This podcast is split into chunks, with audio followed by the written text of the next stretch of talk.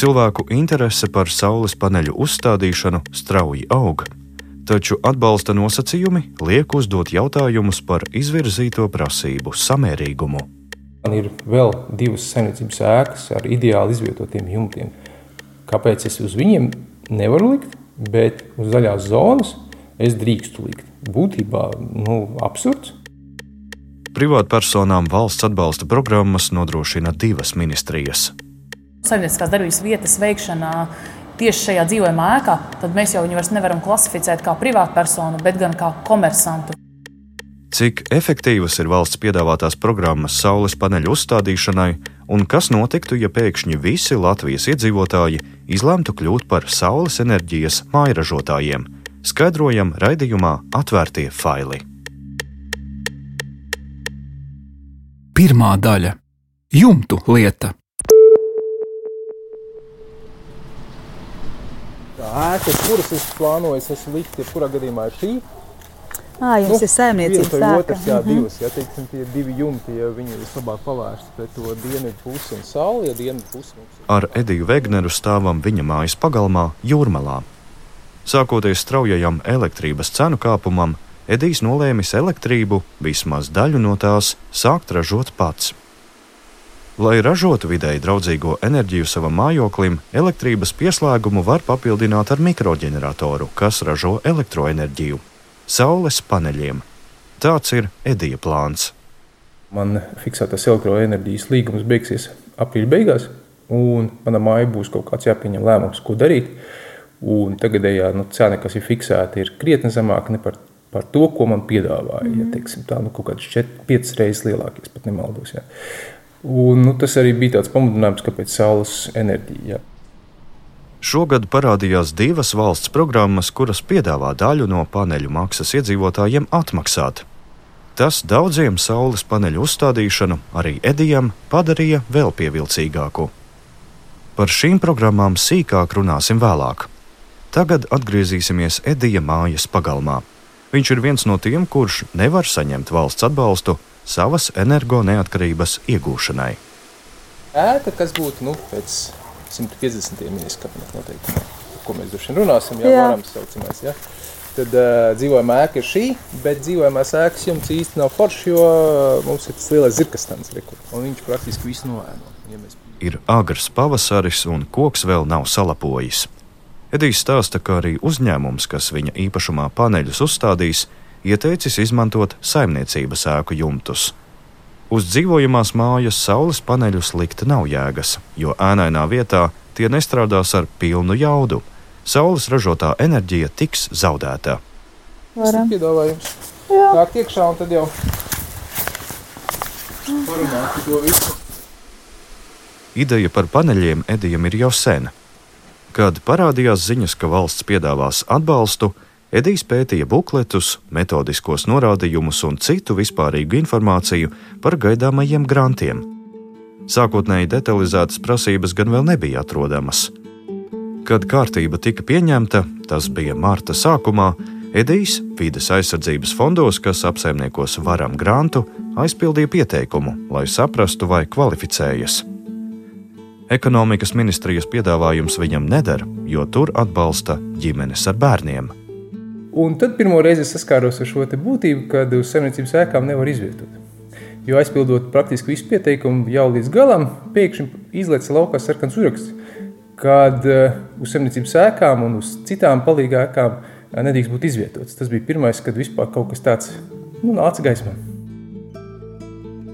Edijs sazinājās ar varam arī vides investīciju fondu. Mēs kaut kādu stundu laikam runājām ar to konsultantu. Tad tie ir cilvēciski, bet nu, bija diezgan smieklīgi, jo uh, viņa apgalvojums bija ļoti vienkāršs, ka tā programma ir palaista diezgan strauji un pēc iespējas, lai būtu vienkāršāka. Un vienkāršāk no tāda apkalpojošā izvērtējuma viedokļa. Ne, ne tāpēc, ka lai vienkāršāk un vairāk spētu apgūt cilvēku, man tāda sajūta. Edija gadījumā varam programmas konsultants ieteicis izmantot ekonomikas ministrijas programmu, kuru viņš, kā mēs jau noskaidrojām, izmantot nevar. Jums ir tā vieta, kur uz tās zemes uzlikt? Teorētiski jā, bet tādā gadījumā, ja es novietoju no zemes, zonas varat. jā, es atsakos no zaļās zonas būtībā. Ja man ir vēl divas saimniecības ēkas ar ideāli izvietotiem jumtiem, kurus es nekādā veidā neizmantoju, kāpēc es uz viņiem nevaru likt, bet uz zaļās zonas es drīkstu likt? Būtībā nu, absurds. Zaļo zonu mēs samazinām, nevis viņu pēc tam tur apkārt, nevis tur redīšus iesiet, ne ābeles iestādīt nevar neko, jā, būtībā ne arī pastaigāties, iziet tur apkārt. Taču Edijs projektu ir sācis, un mūsu tikšanās reizē sacīja, ka aprīlī grasās paneļus uzstādīt. Saules paneļu pieslēguma ceļvedis. Vēlies uzstādīt saules paneļus un ražot elektrību pats? Tas ir vienkārši.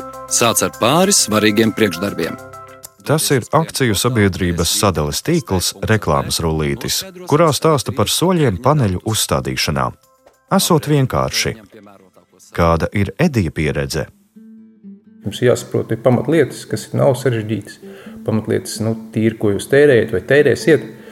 Un jāizvērtē, ir, nu, to var no sadalījuma tīkla vai no jūsu rēķiniem. Mm. Un tad jau būtu nākošais solis, ka griezties pie tirgotājiem. Paneļu tirgotāju ir daudz, Arī pieprasījums aug un līdz ar to garumā stiepjas izpildes termiņi.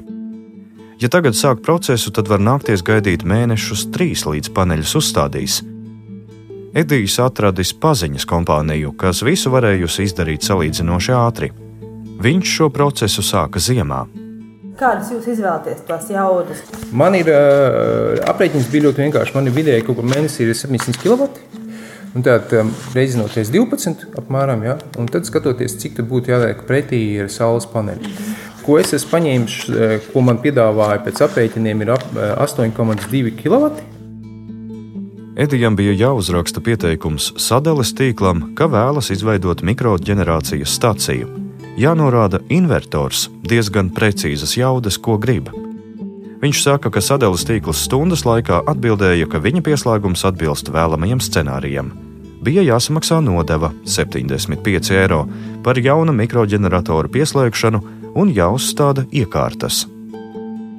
Tālāk visu sadales tīklam nepieciešamo informāciju iesniedz uzstādītāju certificēts elektriķis. Uzņēmums triju darba dienu laikā visu vēlreiz izskata un pieņem lēmumu. Tikai tad, varat pieslēgt saules paneļus pie tīkla. Kopējā summa ir uh, nepilni 11,000 ar PVN. Ja mēs skatāmies, nu jā, nu es salīdzināju vairākus tirgotājus, un šis bija nu, teiksim, arī saimnieciski izdevīgākais piedāvājums. Jā. Pirms gada summas bijušas stipri lētākas, saka Edijs. Ja viņš kvalificētos valsts grantam, tad no valsts atpakaļ saņemtu 3,5 tūkstošus eiro. Uz ielas es neesmu redzējis, ka mētētos. Nu, protams, jā, tas ir pietiekami nozīmīgs summa, ja, kura, nu, nu, varētu teikt, ja mēs skatāmies tā, tā būtu viena gada laikam atmaksājumā summa no tā. Ja. Daļu naudas Edijs saules paneļu uzstādīšanai ņēmis bankā. Cik ilgā laikā plāno atpelnīt, viņš saka, ka rēķinājas piecos gados. Protams, ja būtu valsts subsīdiju daļa, tad kāds gads ietaupītos. Vīrietis gan vēl nav metis plīnti krūmos. Es esmu rakstījis arī uh, trīs uh, kā, pretenzijas vēstules, nezinu, sūdzības. Teiksim, tā, viena bija varam, viena ir ekonomikas ministrijai, no otras bija ministrs kabinetam, jau ministrs kabineta noteikumi. Pēc būtības ministrs kabineta noteikumi ir nu, brāķi pielaiduši, ja teiksim tā, nu, viņi brāķaini. Laba doma, bet nav līdz galam pārdomāti visi aspekti. Jā. Otrā daļa - divas kabatas.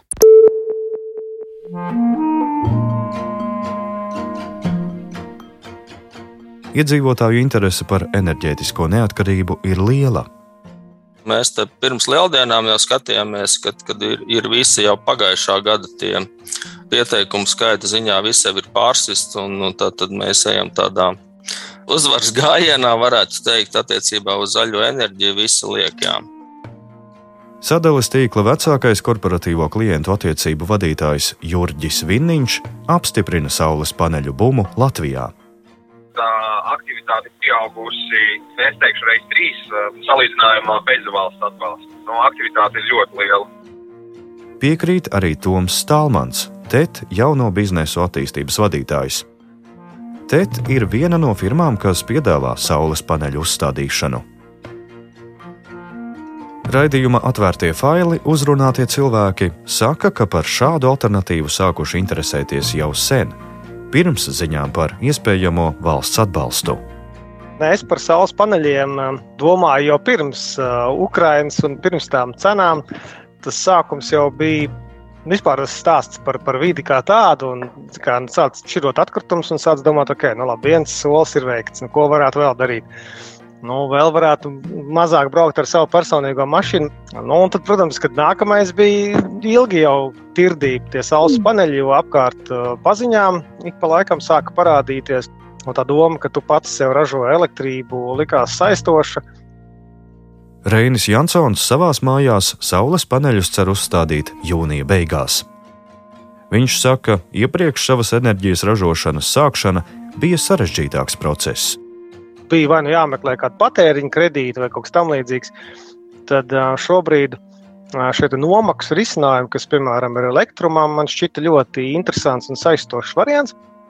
Un tas arī bija tāds pamudinājums sākt to procesu.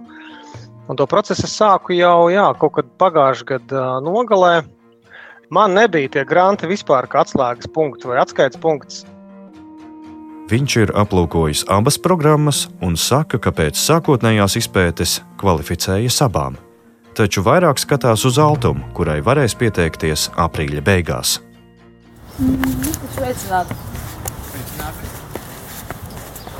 Es likšu paneļus pie sievas tēma. Viņam ir lauku māja, tur ir pļava, viņš tērē kaut kādu elektrību. Un, nu, vajag tagad paneļus, lai tā elektrība nāk no sevis. Saka Raivis Dejus. Viņš ir pētījis abus valsts piedāvātos grantus un saka, ka varam izskatās gana pievilcīgi. Principā man liekas, ka saules paneļi pirms tam atmaksājās jau arī bez visādiem grantiem. Tagad arī viņi noteikti atmaksājās bez jebkādiem grantiem. Bet, ja ir granti, tas ir nu, vēl foršāk. Mm. Atmaksāsies vēl ātrāk, vēl izdevīgāk nu, cilvēkiem, kas varbūt īsti nevar izlemt, vai varbūt gaidīja, kad beidzot valsts kaut ko dos. Tad, nu, tad tagad, tagad valsts dod, tagad jāņem. Bet vai tiešām ir tik vienkārši paņemt?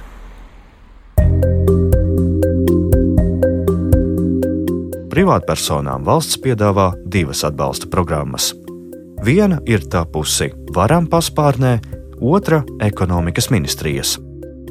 Katra piedāvā atbalstu vairākiem energo neatkarību un efektivitāti veicinošiem pasākumiem.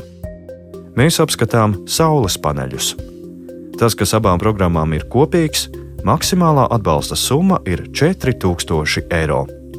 To var saņemt, ja izvēlas maksimālo saules paneļu jaudu kuru konkursi pieļauj 11,1 kWh.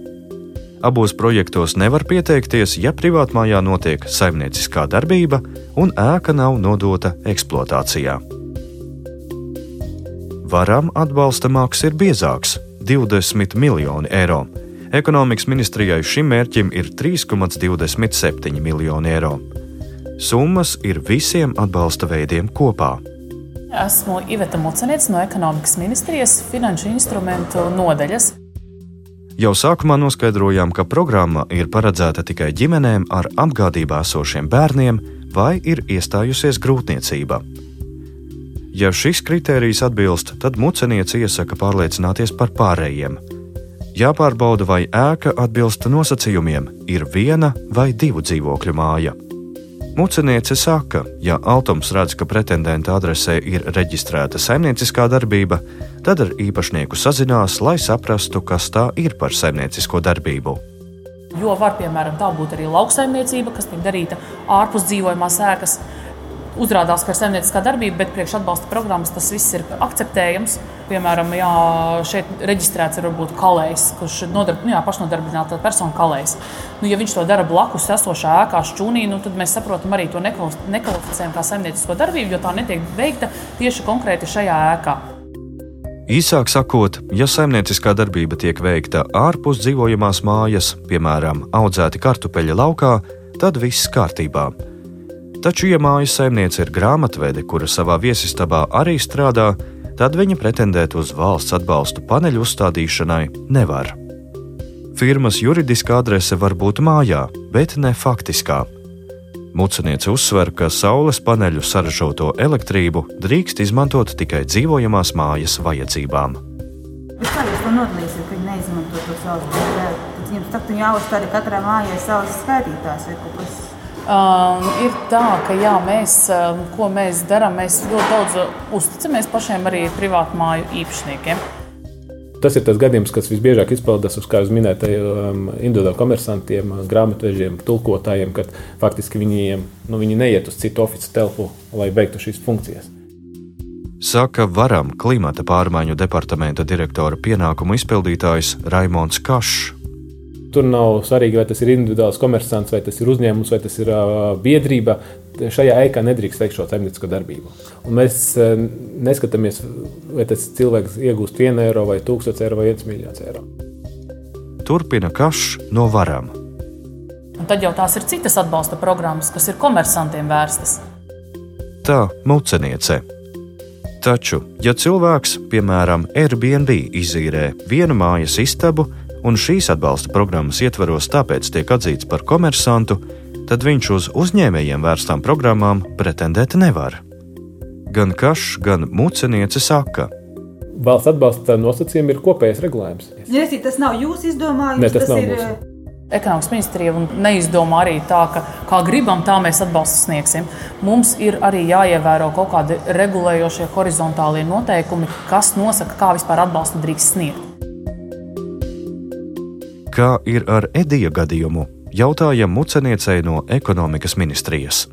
Mēs saprotam, ka var būt privātmājas, kurām ir eh, ļoti slikts eh, ēkas eh, jumta tehniskais stāvoklis. Nu, nebūtu prāta darbs uzlikt šo nosacījumu tikai saules paneļu no, novietošanu uz šī jumta. Ja saules paneļi tāpat arī darbojas un varbūt efektīvāk darbojas, un arī novietojums ir daudz pozitīvāks un labāks, novietojot uz zemes vai uz citas palīgākas. Kamēr vieniem atbalsta sniedzējiem šāds noteikums neliekas prāta darbs, tikmēr citiem tas liekas pilnīgi loģisks. Kašs saka, viņi atbalsta tikai uz dzīvojamās mājas jumta uzliktus paneļus. Atsevišķos gadījumos arī uz zemes. Ir vairāki nianses, ka, ja arī runājam par uh, uzstādīšanu zemes, tas parasti ir komercprojekti un tie lielie apjomi projekti. Varam ierēdnis saka, ja ēka atrodas starp kokiem, kokos vai tuvu mežam, tad uzlikšana uz zemes ir vienkāršāka. Taču tajā pašā laikā jānodrošina dažāda veida tehniskās prasības. Piemēram, paneļi nedrīkst atrasties tālāk par 25 metriem no mājas. Kāpēc mēs nelikām uz citām ēkām? Mūsu programmas mērķis bija ātra, vienkārša uzstādīšana, iegāde un attiecīga samaksa. Jo vairāk mēs liekam iekšā nosacījumus saistībā ar cita veida ēkām, īpašumiem, tehniskām prasībām, jo lielāki riski ir uz dažādu veidu teiksim, tā, neatbilstībām, kas var rasties projekta laikā. Un, un, un tā- tādēļ, teiksim, ja mēs arī atļaujam, piemēram, uzlikt uz ēkas šo saimniecības ēkas saules paneli, tad mums ir jāpārliecinās par īpašumtiesībām, par nodošanu eksploatācijā. Ja iedzīvotājs ne- nepārbauda nodošanas eksploatācijā gadu vai savas īpašumtiesības, tas nozīmē, ka projekts neatbilst prasībām. Un tas nozīmē, ka vērtēšanas komisijai jāiegulda papildus darbs šo projektu vērtēšanā un arī palielinās riski iedzīvotājiem, ka viņš var neatbilst eh, prasībām. Te gan rodas jauns jautājums.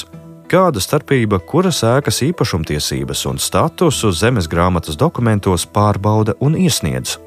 Ja tas būtu tik sarežģīti vai kā citādāk pamatoti, tad šāds noteikums būtu arī otrajā projektā. Varam ierēdnis min vēl vienu iemeslu prasībai par jumtiem. Es pieļauju, ka mēs arī zinām, kāda situācija ir, ir ārpus pilsētām ar lauksaimniecībām, kurās tiek uzstādītas vai būvētas mājas. Vai viņas visas tiek nodotas eksploatācijā, un vai šī būvniecība ir likumīga vai nelikumīga. Un, ja mēs uzliekam iekārtas šādām ēkām, un pēc tam tiek konstatēts, ka šī būve vai, vai konstrukcija nav atbilstoša normatīvām prasībām, tad kas notiek ar šo iekārtu ilgspēju? Te gan jāpiebilst, ka paneļus uzliekot uz apēnota jumta, kā tas ir Edija gadījumā, ietekme uz projekta jēdzīgumu būs nopietni ietekmēta.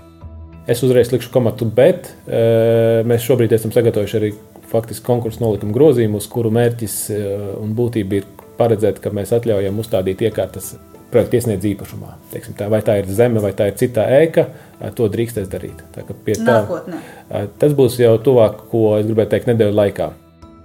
Tā tad varam atzīst kļūdu, Šī interese, ka lauksaimniecības varētu likt uz šīm ēkām, ir pietiekami liela. Teiksim, varbūt tā argumentācija, ka vērtēšanas komisija nebūtu jāvērtē šādu projektu īstenošana, varbūt arī nav tas labākais stāvoklis situācijā, ņemot vērā esošos apstākļus. Es tieši runāju par uh, augstām cenām, energoresursiem un Krievijas krīzi, kas ļoti stipri palielina šo interesi ne tikai par nu. paneļiem un visu pārējo. Un tā mūsu interese šobrīd ir maksimāli darīt, lai iedzīvotāji izvēlētos šīs te tehnoloģijas. Abos projektos ir nosacījums, ka 80% no saules saražotās elektrības ir jālieto sadzīvē, 20% drīkst atdot tīklā. Un mums ir šis sistēmas princips, ka jūs varat saražot, nodot tīklā un attiecīgi izmantot vēlāk ar šo nobīdi. Saka par vidi atbildīgajā ministrijā. Neto sistēma nozīmē to, ka elektrību, kuru uzreiz nepatērē, nodod sadales tīklam. Uzrunājām Vindiņu no šī uzņēmuma, lai viņš izskaidro sistēmu. Piemēram, jūs saražojat un nododat sadalījuma tīklā 125 kWh, tāpat laikā no sadalījuma tīkla jūs tikai 100 paņemat, tad uz nākamo mēnesi uzkrājumā paliek 25 kWh. Šāda mainīšanās ar kilovatstundām notiek no viena gada aprīļa līdz nākamā gada 1. aprīlim. Ja ir saražots tik daudz, ka līdz 1. aprīlim visu neizdodas pašiem iztērēt, tad šīs kilovatstundas paliek sadales tīklam. Tiesa, tad ir jautājums par to, vai ir izvēlētas pareizas saules paneļu jaudas. Turpinot par abu programmu nosacījumiem, abās ir monitoringa laiks. Ekonomikas ministrijā tas ir 14 mēnešus garš. Altums lūdz sadales tīklam informāciju, lai pārliecinātos, vai klients izmanto neto sistēmu, Varam monitoringa laiks ir pieci gadi. Šajā laikā iekārtas nedrīkst demontēt, ēkai lietošanas veidu nedrīkst mainīt. Um, uh, Jo ēkas atsevināšanā uzreiz mainās nosacījumi. Mēs nezinām, kur tā ēka nonāk. Ja viņa nonāk uzņēmuma rīcībā, Privātpersonai pārdot drīkst, bet tad jaunajam īpašniekam jāpārņem visas saistības. Abās ministrijās saka, ka interese ir liela. Ekonomikas ministrijas muceniece stāsta, ka pērn nauda tika iztērēta mēneša laikā, tāpēc arī šogad, kad klāt nākušas jaunas atbalsta pozīcijas, paredz lielu interesi. Reāli mēneša laikā ir iesniegti 57 projektu iesniegumi par kopējo summu vairāk kā 173 tūkstoši eiro. Tā varam pārstāvis. Savukārt muceniece mierina, interese visticamāk nemazināsies, un atbalsta programmas būs arī turpmāk. Tas ir par nākotni, taču cilvēku interese kļūt zaļākiem ir tieši tagad. Trešā daļa. Kurš pirmais brauc?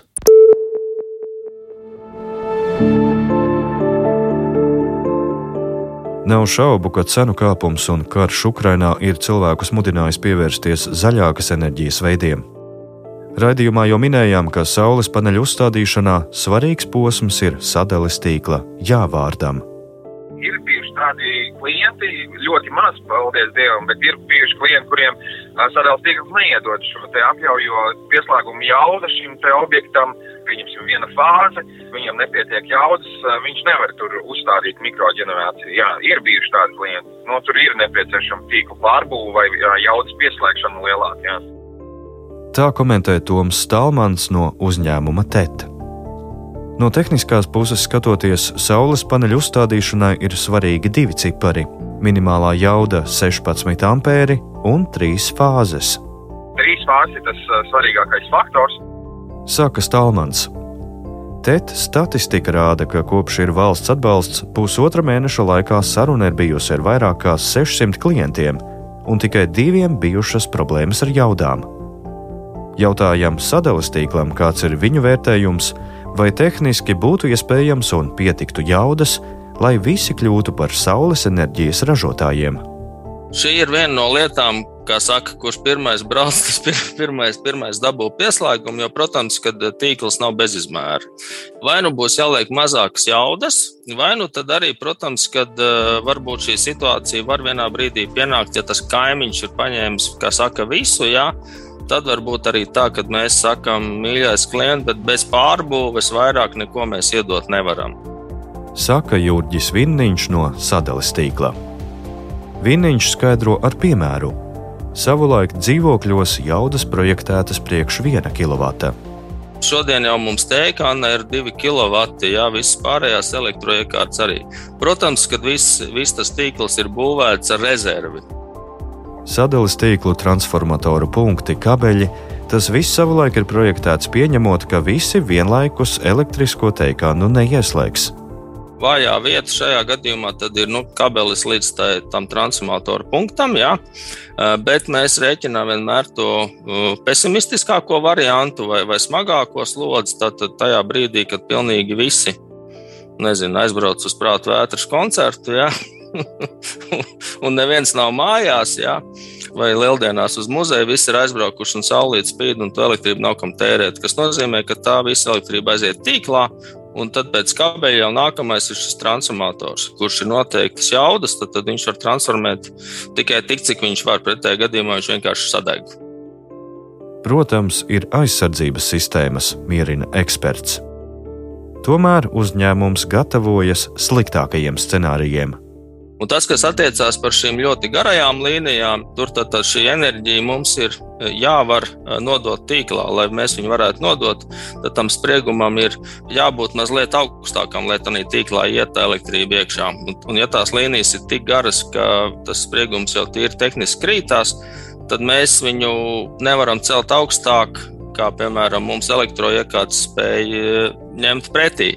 Tas nozīmē, ka var veidoties situācijas, ka gan mums, gan arī varbūt kaimiņiem kaut kāds elektroekārts vienkārši sadeg. Tad, tad paaugstināts spriegums. Vīniņš saka, skatoties no tehniskā viedokļa, tad pilsētās šī situācija vienmēr ir labāka. Tur tīkli ir ar salīdzinoši lielām rezervēm, tie ir tuvu. Sadales tīkla pasanāks pētījums rāda, ka 2 līdz 2,5% klientu varētu būt problēmas ar slodzēm. Bet nu, tas ir uz kaut kādu brīdi, jā, jo noteikti kaut kādā brīdī būs, būs tā, ka īpaši es domāju, ja iet runa par kādiem jaunajiem ciematiem, vai tādi, kur ir pietiekoši aktīvi jaunie klienti, kuri tad visi, visi to grib darīt. Ja? Visiem būs elektromašīnas, visi ir jaunas mājas sabūvējuši. Nu, nu šobrīd varbūt arī no tās gāzes mēģinās pāriet uz kādu siltumsūkni vai uz citu apkursu veidu, ja? tad, tad patēriņš pieaugs un tad mēģinās skatīties, kā to var nokompensēt ar kaut kādu zaļāku enerģiju, tad, tad liekam saules paneļus. Ja?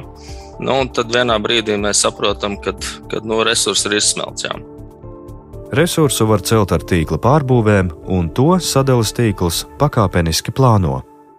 Mīļais klients, mēs pēc diviem gadiem pārbūvēsim, jā, un tad tev būs gan labāka šī elektrība, lielāku jaudu, varēs dabūt priekšpatēriņu, kā arī tad automātiski veidojās iespēja, ka var arī šo ražošanas slodzi uzlikt jau. Atbalsta programmu spēles noteikumos ir teikts, ka ražošanas slodze nedrīkst būt lielāka kā 50% no patēriņa slodzes.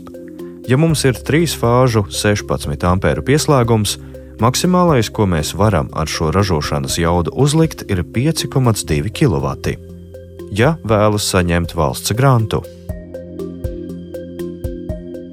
Domājot par biznesu, kā sadales tīklam patīk ideja par zaļās enerģijas uzvaras gājienu. Ja mēs iztēlojamies ideālu variantu, ka no sadales tīkla paņemam 100 kWh, Tā paša mēneša laikā mēs ar saules palīdzību arī saražojam 100 kWh un nododam tīklā. Tas nozīmē, ka elektrība ir par brīvu, nav jāmaksā arī OIK mainīgā maksa. Rēķins atnāk tikai par piegādi. Vīrniņš precizē, Sadalījums tīkls kopumā ir transportējis 200 kWh, 100 uz vienu pusi, 100 uz otru, bet maksa tiek piemērota tikai par to, ko mēs, mēs ņemam no tīkla. Tīklā var nodot pa brīvajām to enerģiju, kuru klients saražo un uzreiz patērē, par to sadales tīklam nav pamata neko iekasēt. Protams, kaut kādā mērā iedzīvotāju neatkarība ietekmēs uzņēmumu makus. Tad mūsu tā pamatdoma būtu tāda, ka neatkarīgi no tā, ko klients tērē, kādu apjomu, jā, tad būtu šī fiksētā maksa. Varbūt nu, es vienmēr to līdzību velku ar, ar internetu pakalpojumu sniedzējiem, jā, kad mēs par to ātrumu maksājam, ja nevis mēs maksājam par datu apjomu, ko mēs patērējam. Jā. Tālāk elektroenerģijas norēķini būtu tīri tirgotāja jautājums. Viņš nosaka, ka tas ir laika jautājums, kad maksāšanas kārtība mainīsies. Viņš domā, ka tas būtu arī klientiem saprotamāk. Tagad klientam jālauza galva, jo ir sadales tīkla maksa par kilovatstundām, un tad vēl ir dienas un nakts zonas, kā arī papildus tam tirgotāju tarifi. Saules paneļi un citi zaļās enerģijas ražošanas veidi ir ceļš gan lielākai finansiālai neatkarībai, gan neatkarībai no tādiem agresoriem kā Krievija. Bet izskatās, ka vērienīgai zaļināšanai tīkli pie mums vēl nav gatavi. Un kā rāda raidījumā intervēto cilvēku pieredzes stāsti, vēl ceļš ejams, lai ieviestu brīvību no pārmērīgās birokrātijas. Saules enerģijā, jā, nu, tas ir liekas, diezgan absurdi, ka jums jāizvēlās tas, kas ir noteikts, bet nevis tas, kas ir labākais, vai mm. kur jūs vairāk iegūstat. Raidījumu veidoja Zane Mače, Filips Lastovskis, Reinis Budze un Matīs Budovskis. Atvērtie faili! Latvijas radio jauna lietotne, ziņas, mūzika, 200 dažādu raidījumu un visu Latvijas radio kanālu tiešraides Radi pats savu radio. Veido savu raidījumu atskaņošanas sarakstu. Mēs tikai ieteiksim to, ko vērts nepalaist garām. Latvijas radio lietotni meklē App Store vai Google Play. Lejupielādē to savā telefonā un klausies Latvijas radio saturu savērtā laikā un vietā. Latvijas radio lietotne pieejama bez maksas un reklāmām. Latvijas radio veicina kritisko domāšanu un saturīgu brīvā laika pavadīšanu.